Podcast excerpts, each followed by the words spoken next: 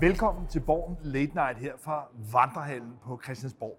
Og inde bag døren dernede, ja, der er statsminister Mette Frederiksen i gang med spørgetimen, hvor hun har endnu en gang slået fast, at spillereglerne, både i dansk og europæisk politik, er fuldstændig forandret. Men der er dog alligevel nogle ting, som også begynder sig selv at blive lidt mere normal igen. Og i dag, der lykkedes det for regeringen at få et meget bredt flertal bag den øh, aftale om at nedlægge en lang række uddannelsespladser i de store byer, universitetsbyerne, for så til gengæld at rykke øh, uddannelser ud. Og det må vel sige på en måde at være et, ja, en normalisering og et politisk gennembrud også for regeringen.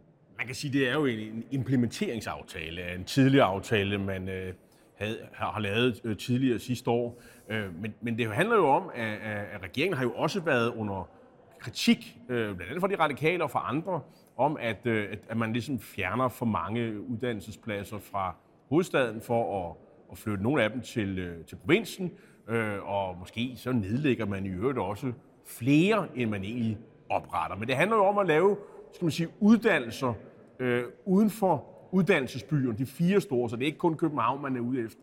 Øh, og, og det handler blandt andet om en, en dyrlægeskole i Forlum? Forlum, det har jeg ikke lige præsent, hvor det er henne.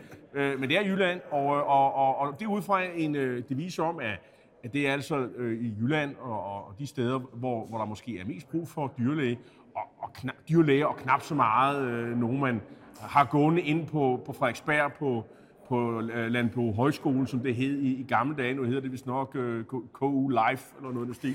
Men den grundlæggende fortælling her handler jo om, fra regeringens side, men også for de partier, der støtter op, om at skabe en bedre balance i Danmark. Og hvor der jo i mange år har været en kritik af centralisering, og alt for mange ting ligesom er blevet klumpet sammen i de store universitetsbyer, hvor man også har set en stor velstandsstigning, huspriserne er stedet osv. Det vil man gerne forsøge ligesom at glatte en lille smule ud. Og det er jo ikke bare øh, regeringen med deres chefideolog øh, Kåre Dybvad øh, i spidsen. Det, det er jo faktisk et synspunkt, som øh, man deler i Venstre, øh, og til dels hos de konservative i virkeligheden også, og Dansk Folkeparti naturligvis. Og det lyder jo alt sammen ret besnærende. Jeg tror egentlig også, at der i hvert fald herinde på Christiansborg, men også blandt vælgerne nok, er en, en ret stor opbakning til, at der skal være en balance i hele landet. Men når man graver en lille smule dybere ned det her, så kan man altså godt hejse et lille flag, stille et lille spørgsmålstegn ved, om effekten nødvendigvis også bliver en ny fordeling. Fordi det, der er vilkåret i dag, og som er noget, der ikke bliver talt helt så meget om, det er, at der allerede i dag er hundredvis, ja tusindvis af uddannelsespladser rundt omkring i stationsbyer, både på Sjælland, på Fyn og ikke mindst i Jylland, som står tomme i dag. Så problemet er i virkeligheden ikke så meget, at der er mangel på udbud af uddannelser, snarere at de unges efterspørgsel har forandret sig. Det er de unge, der søger ind mod byerne. Så jeg tror, hvis man sidder rundt omkring i stationsbyer, eksempelvis Jørgen, øh, som har fået tildelt nogle nye uddannelser, så skal man passe på med at glæde sig alt for tidligt. Fordi det afgørende her, det er, om man kan tiltrække de unge. Og der er det, man skal være opmærksom på, at den anden del af aftalen handler altså om at skære ned på uddannelsespladser i de store byer. Men, men der vil jeg jo sige, jamen Lars, man startede med at sige, at 10 procent øh, skal skæres ned og nu er man så landet på 6%. Så der, der er jo øh, en bevægelse, øh, skal man sige. Man har måske kommet nogle, nogle øh, kritikere i møde, men alligevel så, så jeg jo, at de, de radikales øh, ordfører på området var ude at sige, at, at det stadig er en, en lort. Øh, meget prosaisk udtryk øh, om sådan en aftale. Øh, det plejer vi ikke at se så meget af, og specielt ikke for de radikale. Så helt tilfredse er de radikale i hvert fald ikke. De er i hvert fald ikke gået med i aftalen. Nej, altså det der jo i hvert fald kan man sige er det store øh, spil her, den store satsning her, det er om man lige pludselig kan få unge til at begynde at søge på en helt anden måde, end det har gjort tidligere. Fordi hvis det ikke lykkes, hvis det ikke de unge af egen drift, når de skal søge ind på uddannelse, lige pludselig siger, at nu har vi ikke lyst til at studere i hverken Aalborg, Odense, Aarhus eller København, nu vil vi andre steder hen. Hvis de ikke gør det, ja, så er der altså en risiko for, at den her aftale, som nu, altså man i dag har fået detaljerne på plads i, at den aftale måske kan være den første i sådan den frie verdens historie, hvor en regering, et flertal i parlamentet, faktisk har besluttet, truffet en beslutning, som fører til et fald i uddannelsesniveauet. Det er i hvert fald meget usikkert, om de unge nødvendigvis følger trop og gør, som politikerne ønsker. Altså, hvis man skal tage de helt store lange briller på, så var det jo sådan et synspunkt, øh, meget reaktionære partier havde i gamle dage om, at alt det der uddannelse, det er noget værd pjat, vi har slet ikke brug for uddannet befolkningen, hvorimod øh, det, det, dem, der betragter sig selv som progressive partier, de sagde, at uddannelse, det er jo sådan et, et, et frigørelsesprojekt. Det, er jo, øh, det, det handler om frihed, sætte folk fri og videre uddanne dem. Og, og, og det har man jo sådan set presset på, ikke mindst fra Socialdemokraternes side, øh, men også SF, som jo også er med i den her aftale. Øh, men nu er man åbenbart nået øh, til et punkt, hvor man siger, nej, nej, nu er vi begyndt at overuddanne folk. Øh, vi skal slet ikke brug for alle de der folk på universiteterne.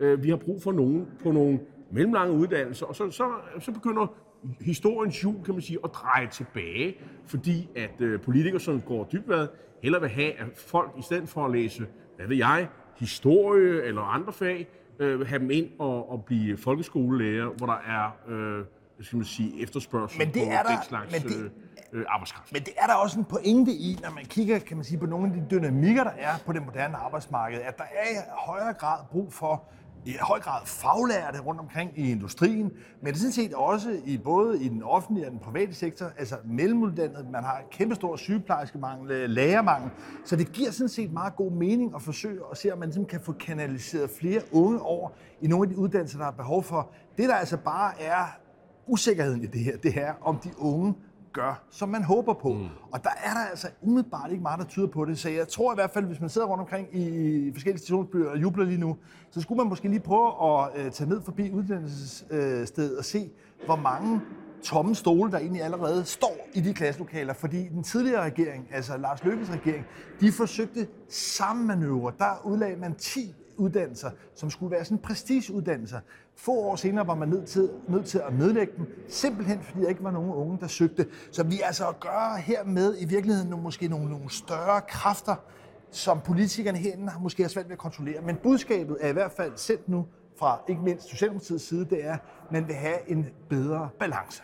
Og, øh, og det er der så et, et, et dels, man sige, et bredt flertal i Folketinget, der jo sådan set deler det ønske, så det er jo Øh, så det er jo også, øh, som siger, også ret vigtigt for regeringen at sige, at der er ikke nogen opposition øh, til højre for os, øh, der er imod det her. Og, og der er knap nok nogen til venstre, kan man sige, fordi når SF også er med. Men øh, det her, det er jo sådan et godt eksempel på, Lars, at man jo faktisk øh, ender og pille ved skruerne og, og drejer på nogle hjul og sådan noget. Altså, altså, det er noget strukturelt, der får betydning for om 10, 15, 20 år. Altså, det vil jeg sige, det er sådan noget rigtig politik, hvor jeg oplever, at meget af det, der ellers foregår herinde med personer og frem og tilbage, og hvem er formand den ene dag og den anden dag og sådan noget, det, det har knap så stor betydning. Det her, det har betydning. Men øh, en helt anden begivenhed, som jo også må sige at påvirke ikke bare os nu, øh, det danske samfund lige her nu, fordi det vælter ind med ukrainske flygtninge, øh, det er selvfølgelig øh, Ruslands angrebskrig på Ukraine, øh, som jo øh, også øh, påvirker det danske samfund på andre måder ved det, at øh, der er jo selvfølgelig nogle øh, økonomiske prognoser, beregninger, som man jo ligesom godt bliver nødt til at, at kigge på igen. Øh, fordi, hvordan påvirker det dansk økonomi? Øh, og vi kender jo ikke engang alle ubekendte. For, for eksempel er der, har jeg set i dag, et stort øh, øh, skal man sige, krav fra, fra, fra almindelige danskere, som mener, at vi skal stoppe med at købe olie og gas fra øh, Rusland. Og det er der ikke ret mange, der tror, vi kan, øh, selvom vi gerne ville.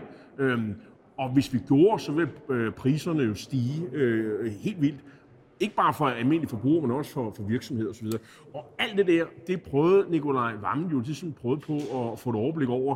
Og man må sige, at øh, spændet for, øh, hvor, hvor, hvor, hvor dårligt, hvor skidt det kan gå, og hvor mildt det kan gå, det er rimelig bredt. Det kan faktisk både blive en dreng og en pige. I går fremlagde finansminister Nikolaj Vammen altså netop tre forskellige scenarier. Et hårdt scenarie, som er derude, hvor man skærper sanktionerne, hvor man øh, stopper med at købe olie og gas, men hvor råvarepriserne også vil stige, hvor vi ser, at renten øh, stiger, og hvor vi i hele taget kommer ind i en situation med voldsomt stigende inflation, stor usikkerhed, leveranceproblemer for, øh, for erhvervslivet. Det er ligesom det hårde scenarie. Og hvor vi er nede på måske øh, et BNP-tab øh, i år på 2,2 procent. Øh, det er jo virkelig dramatisk. Så er der et mildere scenarie, som i en vis udstrækning må bygge på, at øh, krigen i Ukraine på en eller anden lykkelig vis skulle øh, slutte hurtigere, og kan man sige, de chokeffekter, der er inde i økonomien, på en eller anden måde er mulige at tæmme. Regeringen lander nogenlunde på et mellemscenarie. Det er jo meget fornuftigt også at forberede befolkningen, vælgerne på, at vi altså går mere urolige tider i møde. Det kan, som du siger, gå rigtig galt. Det kan være mildere. Regeringen lander lidt på et, øh, et mellemscenarie. Og, det, og, og, og et scenarie, hvor vi også øh, stadigvæk oplever lidt vækst. Men hvor det ikke går så slemt. Og det vil jo traditionelt set siges at kunne være en sådan pragmatisk position at sige, at det kan gå dårligt, det kan gå godt. Det bliver nok et eller andet sted midt imellem. Jeg synes nu, at signalet i det kan vise sig at være problematisk. Forstået på den måde, at de europæiske lande, NATO-landene, har jo meget klart tilkendegivet, at man ikke har tænkt sig militært at engagere sig med tropper eller med fly i Ukraine. Svaret har i stedet for været økonomiske sanktioner. Og det har været i et historisk omfang, som også ser ud til virkelig at bide på den russiske økonomi. Men allerede nu, øh, Joe Biden er i Europa for os at tale med de andre øh, europæiske statsledere om nogle yderligere skridt, altså nogle nye sanktioner. Og det kan meget vel, som der altså er altså noget, der tyder på, at den danske befolkning faktisk vil bakke op om, være sanktioner i forhold til energi. Sker det, ja, så er det netop, at vi bevæger os op i det hårde scenarie. Og jeg synes, det virker mærkeligt, at man fra en dansk regering, der altså ikke satser på det militære, men satser på sanktionsbordet, at man ikke både i sine signaler, men også i sine handlinger får kommunikeret til Putin, til Kreml, at man er forberedt på det værste, og man er villig til at betale prisen, også i form af en mulig recession, smalhals, at man ikke sender det signal, at vi altså er villige til at eskalere i de økonomiske sanktioner. I virkeligheden gør regeringen det modsatte og siger, prøv at vi kommer til ligesom at kunne navigere os igennem i det her, og dermed sender også et signal til Rusland om, ah, det bliver nok ikke meget værre, når det kommer til den økonomiske øh, sanktionspolitik. Men det kan jo også være, at man gemmer alt det der til, at man ligesom har fået aftalt øh, i EU, og, og øh, nu er vi blevet enige om, at nu går vi ud og giver den øh, fuld skrue med sanktioner og lukker ned overalt osv. Endnu en gang. Altså, øh, hvis, hvis, hvis, hvis Danmark ligesom 20 starter med at sige, nu vil vi ikke øh, bruge hverken det ene eller andet, så, Nej, så, så havde det, det vel ikke jo, så... men jeg synes, vi har en kontrast her. Altså, da coronakrisen ramte, der var budskabet og holdningen oppe i statsministeriet fra departementchef Barbara Bertelsen, at håb er ikke en strategi. Og hun valgte meget konsekvent og benhårdt at gå efter worst case scenarierne. Når embedsmændene fra Sundhedsstyrelsen og Søren Brostrøm og andre kom ligesom med deres prognoser, så lagde hun sig hver gang systematisk i det mest redselsvækkende scenarie i forhold til hvad corona.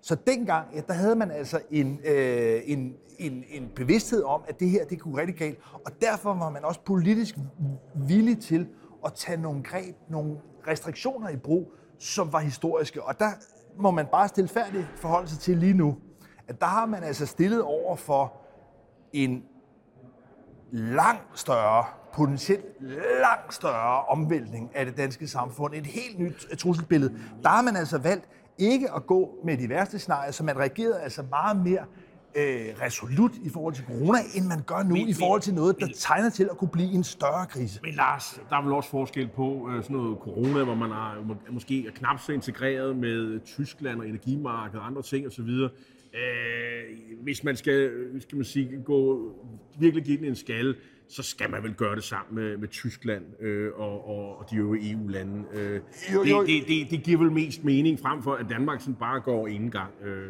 Det er der ikke nogen tvivl om, og det er også det, den officielle linje, at selvfølgelig, hvis økonomiske sanktioner og det skal virke, jo, og det så skal det også have ned. Og det øjeblik kan jo komme. Altså, vi lever i en tid, hvor øh, at vi aner ikke, hvad, hvad, hvad de beslutter om en uge eller 14 dage. Altså, så så altså det, det vil jeg bestemt ikke øh, men, men jeg synes bare, at der tegner sig et billede af lige nu, at man øh, folder hænderne og håber på det bedste. Man har ganske vist forberedt befolkningen på, at det kan gå slemt. Men jeg synes, der er en meget klar kontrast mellem, hvordan man altså på mange måder, kunne man sige, gik i panik i den første fase af corona, men altså også havde en jernvilje til at lave tiltag, også på det økonomiske område, i forhold til øh, kompensationspakker. Der var erhvervsminister Simon Kollerup meget klart ude i går, også på pressemødet, at sige, man planlægger ikke, at der skal komme øh, hjælpepakker osv.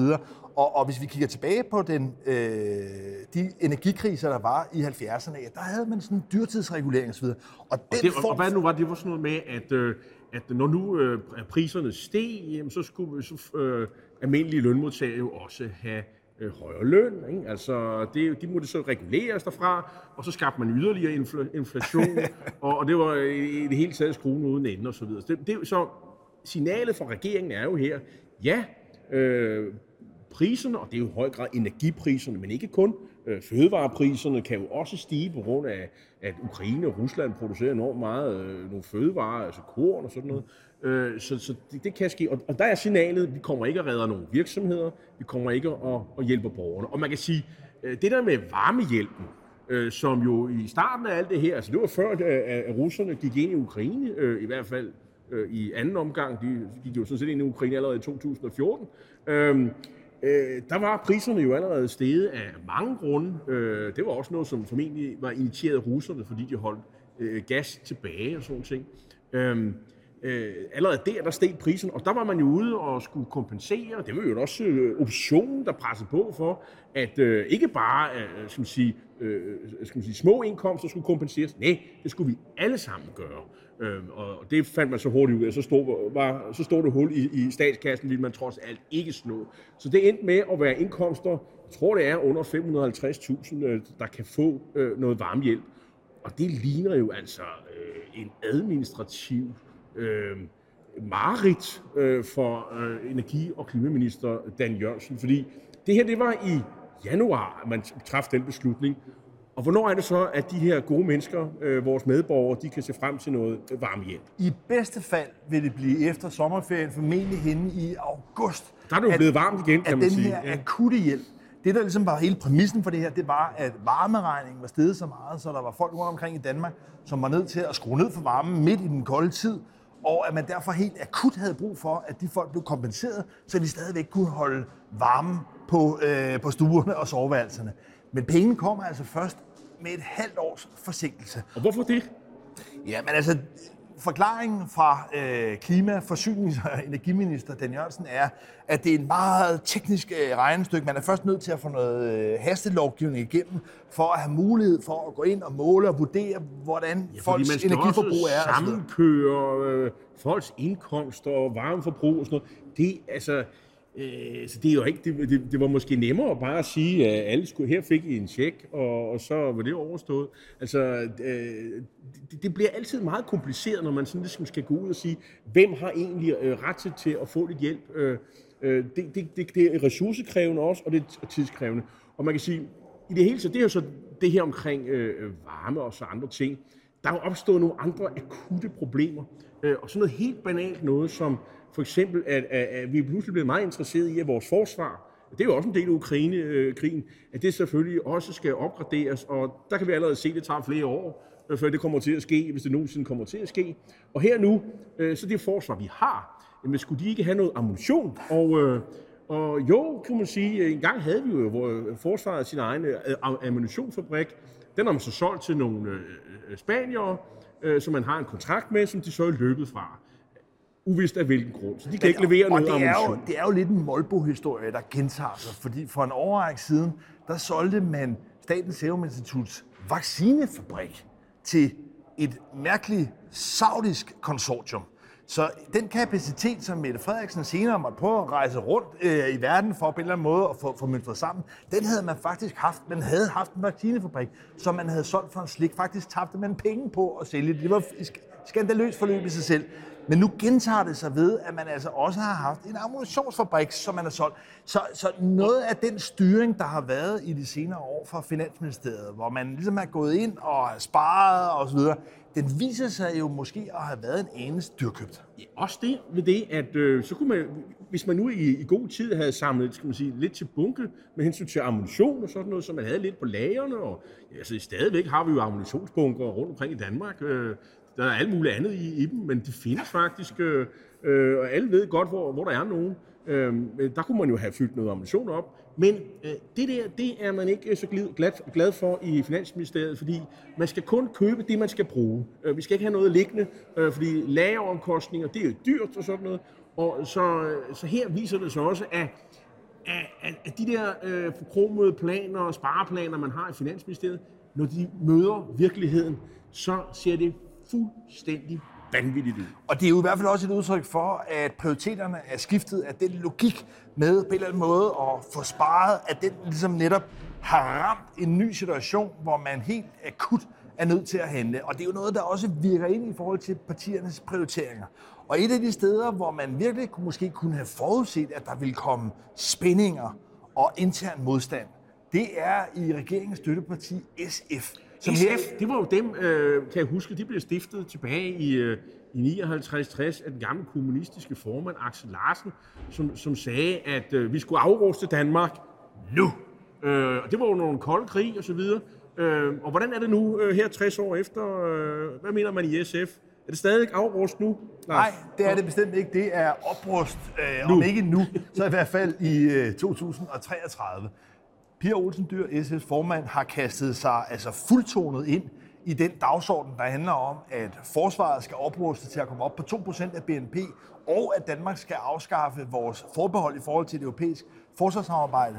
Og jeg synes også, at når man hørte den tale, som Pia Olsen Dyr holdt øh, på SF's landsmøde i Kolding her i weekenden, så er det altså også noget, hun har bygget en markant fortælling op om, og, hvor, og der, hvor overraskelsen kommer ind, det var, at jeg ville også have forventet, at der stadig var nogle af de her afspændingspædagoger og fodformede typer, som i mange år har præget SF, som ville ligesom have sat sig imod og hed... Ja, kvinder ansat i den, i den offentlige sektor. Det, jo, og, det er jo ofte deres vælgere, ikke? Jo, og øh, nok også en, en, en del øh, mænd og unge og studerende osv. Pointen er bare, at der har været den her, øh, kan man sige, i virkeligheden tråd tilbage til fredsbevægelsen, til atommarscherne, som har præget SF og deres udenrigspolitik i mange, mange år. Men der er det altså lykkedes for Pia Olsen Dyr og meget hurtigt og meget øh, markant at sætte en anden dagsorden, hvor hun forpligter øh, SF på den øh, dagsorden, der er sammen med, med ikke mindst Socialdemokratiet. Og der må man bare sige, der kan man tydeligt se forskel på SF's klare standpunkt i den her sag, omkring forsvaret, omkring forsvaret med Ukraine og andre ting. Der er ingen slinger i valsen. Man mener omtrent det samme som regeringen og de borgerlige partier. Og dermed, det står i kontrakt til enhedslisten, der jo øh, nogle gange vil sælge, øh, sende våben til Ukraine, andre gange øh, må danske styrker ikke sendes til Baltikum. Der er en diskussion omkring forsvarsforbehold. Der sker hun også fuldstændig igennem i SF.